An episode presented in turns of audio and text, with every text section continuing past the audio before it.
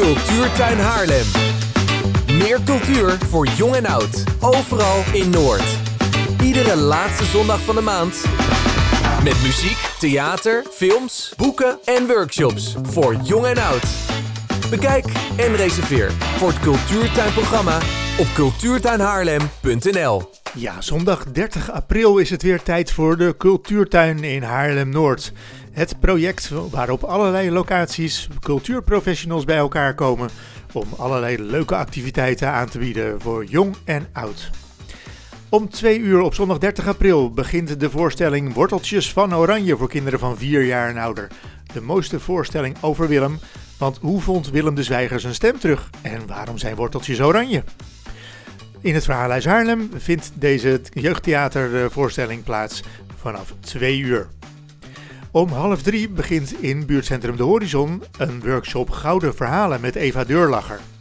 Daarin haal je de kleine momenten uit je leven op die je op papier gaat zetten door zowel te tekenen als te schrijven. Tekenen, uh, er tekenervaring en schrijvervaring is niet nodig. Om kwart voor drie begint in het Kleverhuis aan de Maarten van Heemskerkstraat de workshop Laten we dansen.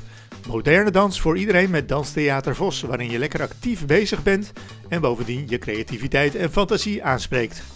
Ook daar is ervaring niet nodig. Dan begint om drie uur in de Kennemer Boekhandel uh, de middag over de debuut de romanciers. Stefanie Hogenberg en Carolien van Keken gaan namelijk vol enthousiasme en liefde voor de literatuur in gesprek over hun debuutromans.